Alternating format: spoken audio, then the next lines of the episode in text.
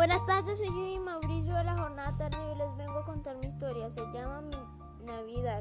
Llegó Navidad, mi familia y yo estábamos tan ansiosos de que llegara esta fecha, ya que a toda mi familia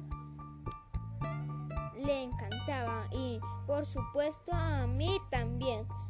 Eran días felices, jugábamos y comíamos y todo transcurría muy bien, hasta que un día la comida, los días felices y todo lo que habíamos pasado se había olvidado. No sabía muy bien el por qué y cómo se había olvidado. Todo esto tenías una explicación y ya tenía hambre.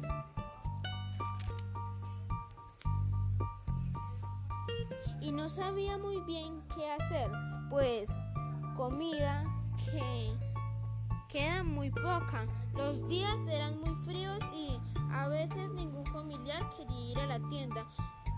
Me fui dando cuenta de que algo estaba mal. Mis padres, mi papá y mi mamá no tenían plata para ir al súper. Su trabajo era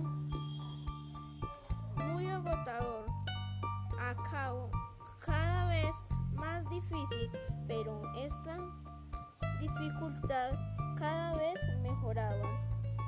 Mis padres me contaron que aquellos días habían sido muy difíciles, pero esto fue mejorando.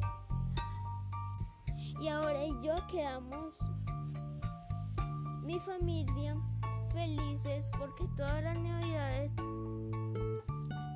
hacer lo mismo, sino que eso fue una temporada difícil. Chao. Esta fue mi historia, que les haya gustado. Chao.